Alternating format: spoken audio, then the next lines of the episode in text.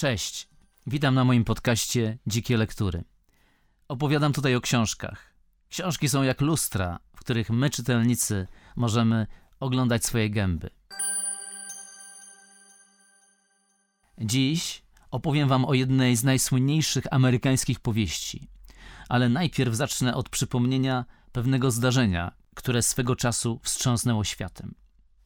Wyobraźcie sobie, jest 8 grudnia 1980 roku. Pod bramą rezydencji Dakota na Manhattanie czyha mężczyzna. W jednej ręce trzyma metalowy przedmiot, pod pachą drugiej jakąś książkę. Po chwili podjeżdża limuzyna i wysiada z niej jeden z najsłynniejszych estradowych artystów świata. Jak wygląda? Ma długie włosy, smukłą, chudą sylwetkę i druciane okulary. To oczywiście John Lennon, ex-lider Beatlesów. Lennon kieruje się w stronę swojej rezydencji, natomiast mężczyzna, ten stojący tam pod bramą, rusza w jego stronę. Przedstawia się. Nazywam się Holden Caulfield, mówi. Następnie unosi rewolwer i oddaje kilka strzałów. John Lennon upada na ziemię. Morderca tymczasem chowa broń i otwiera książkę. Oddając się pasjonującej lekturze, w spokoju czeka na przybycie policji. Nas interesuje oczywiście pytanie nie kim był morderca, ale raczej co czytał morderca. Otóż ta powieść, gdy ukazała się w 1951 roku, wywołała sensację. Mówiono, ta książka próbuje wysadzić w powietrze cały dotychczasowy porządek. Ta powieść stała się też Biblią dzieci kwiatów, które w latach 60. tarzały się nago w błocie na koncertach w Woodstock. Jej tytuł brzmi Buszujący w zbożu, a napisał ją amerykański autor Salinger. O czym jest ta powieść, zapytacie? Główny bohater, Holden Caulfield, tak, to jego imieniem i nazwiskiem przedstawił się morderca Johna Lennona. Ten bohater ma 16 lat, chodzi do renomowanej szkoły, ma bogatych rodziców, jest przystojny, niejedna dziewczyna poszłaby z nim na randkę. Zdawałoby się, że ma wszystko, co się składa na tak zwany dobry start. A jednak, a jednak nie czuje się szczęśliwy. Świat działa mu na nerwy. Holden wypowiada mu swoją prywatną wojnę. Holden, chcąc czy nie, staje się mimowoli buntownikiem. Co go drażni w świecie? Zapytacie, przeciwko czemu się buntuje? Irytuje go prawie wszystko.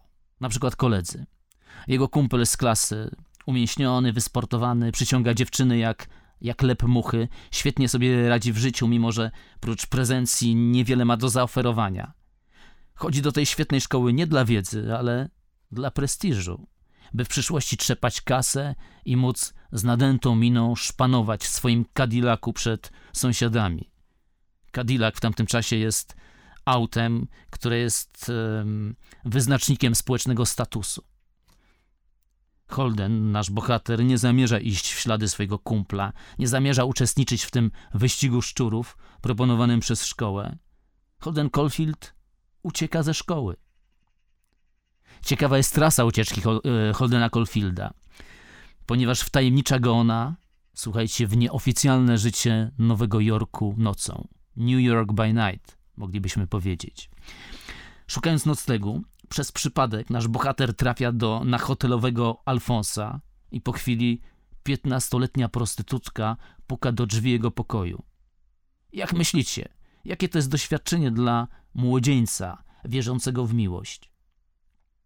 W tym samym hotelu podgląda dewiantów płci męskiej, poprzebieranych w biustonosze i biegających po hotelowym korytarzu.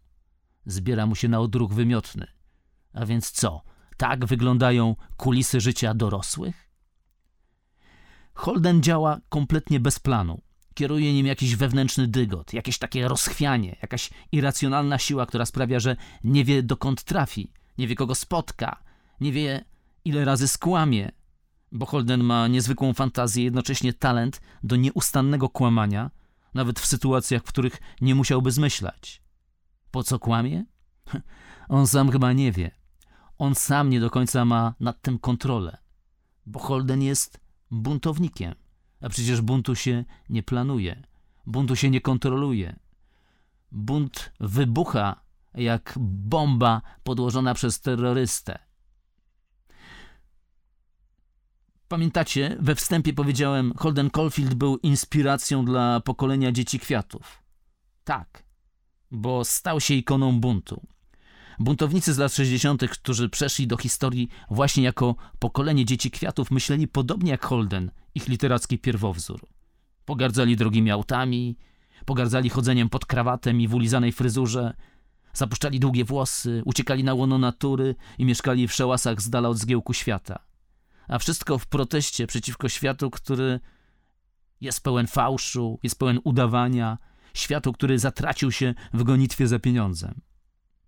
Przeciwko temu buntowali się, buntowało się pokolenie dzieci kwiatów.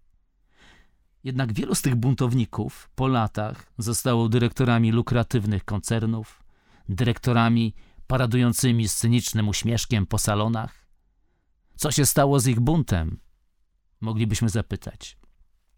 A co się stanie z buntem Holdena i dokąd go zaprowadzi? W powieści jest taka niezwykła scena. Holden ma wizję. Wyobraża sobie gromadkę dzieci buszujących beztrosko w zbożu a propos tytułu Buszujący w zbożu, tak? Gromadka dzieci beztrosko buszująca w zbożu. Zabawa jest przednia. Dzieci wpadły w trans, w trans takiej beztroskiej, zwariowanej zabawy. Nie wiedzą jednak jednej rzeczy, że ten plac zabaw kończy się urwiskiem, za którym rozpościera się przepaść. Nie mają świadomości, że są o krok od katastrofy. Holden wyobraża sobie, że jego misją jest bycie strażnikiem. Musi upilnować dzieci, by to beztroskie buszowanie w zbożu nie zakończyło się tragedią. Dla mnie to jest taka bardzo symboliczna scena, bo czy Holden, włócząc się po Nowym Jorku, nie jest jednym z tych dzieciaków buszujących w zbożu? Czy jego bunt nie jest balansowaniem na krawędzi przepaści? Czasami sobie myślę, że chyba każdy bunt jest balansowaniem na krawędzi przepaści. E, więc co się stanie z Holdenem? Nie będę spoilerował, ale mogę tylko powiedzieć, że pod koniec książki widzimy go, jak półprzytomny z wycieńczenia przemyka ulicami Nowego Jorku. Jakie wnioski wyciągnie ze swej podróży przez mroczną stronę świata dorosłych? Czy nadal pozostanie buntownikiem? A może pogodzi się z kolegami i zacznie tak jak oni odkładać na swojego, na swojego Cadillaca, Jaką cenę płaci się za, szalo- za szaloną jazdę bez trzymanki przez New York by Night? Na tym właściwie chciałbym zakończyć. Na tych pytaniach, choć na usta ciśnie się jeszcze jedno pytanie. Jaki jest związek między historią zabójstwa Johna Lennona, którą opowiedziałem na początku, a powieścią buszujący w zbożu? Hm, dobre pytanie. Niech jednak pozostanie pytaniem otwartym. Może ktoś z Was pokusi się, by na nie odpowiedzieć. To tyle na dzisiaj. Zajrzyjcie, zajrzyjcie do książki, bo to jest taka literatura, którą się pożera i chłonie z wypiekami na twarzy. Dziękuję za uwagę. Kanał nazywa się Dzikie Lektury. Jeśli Wam się spodobało, pamiętajcie, żeby zasubskrybować mój kanał i postawić łapkę w górę. Dziękuję.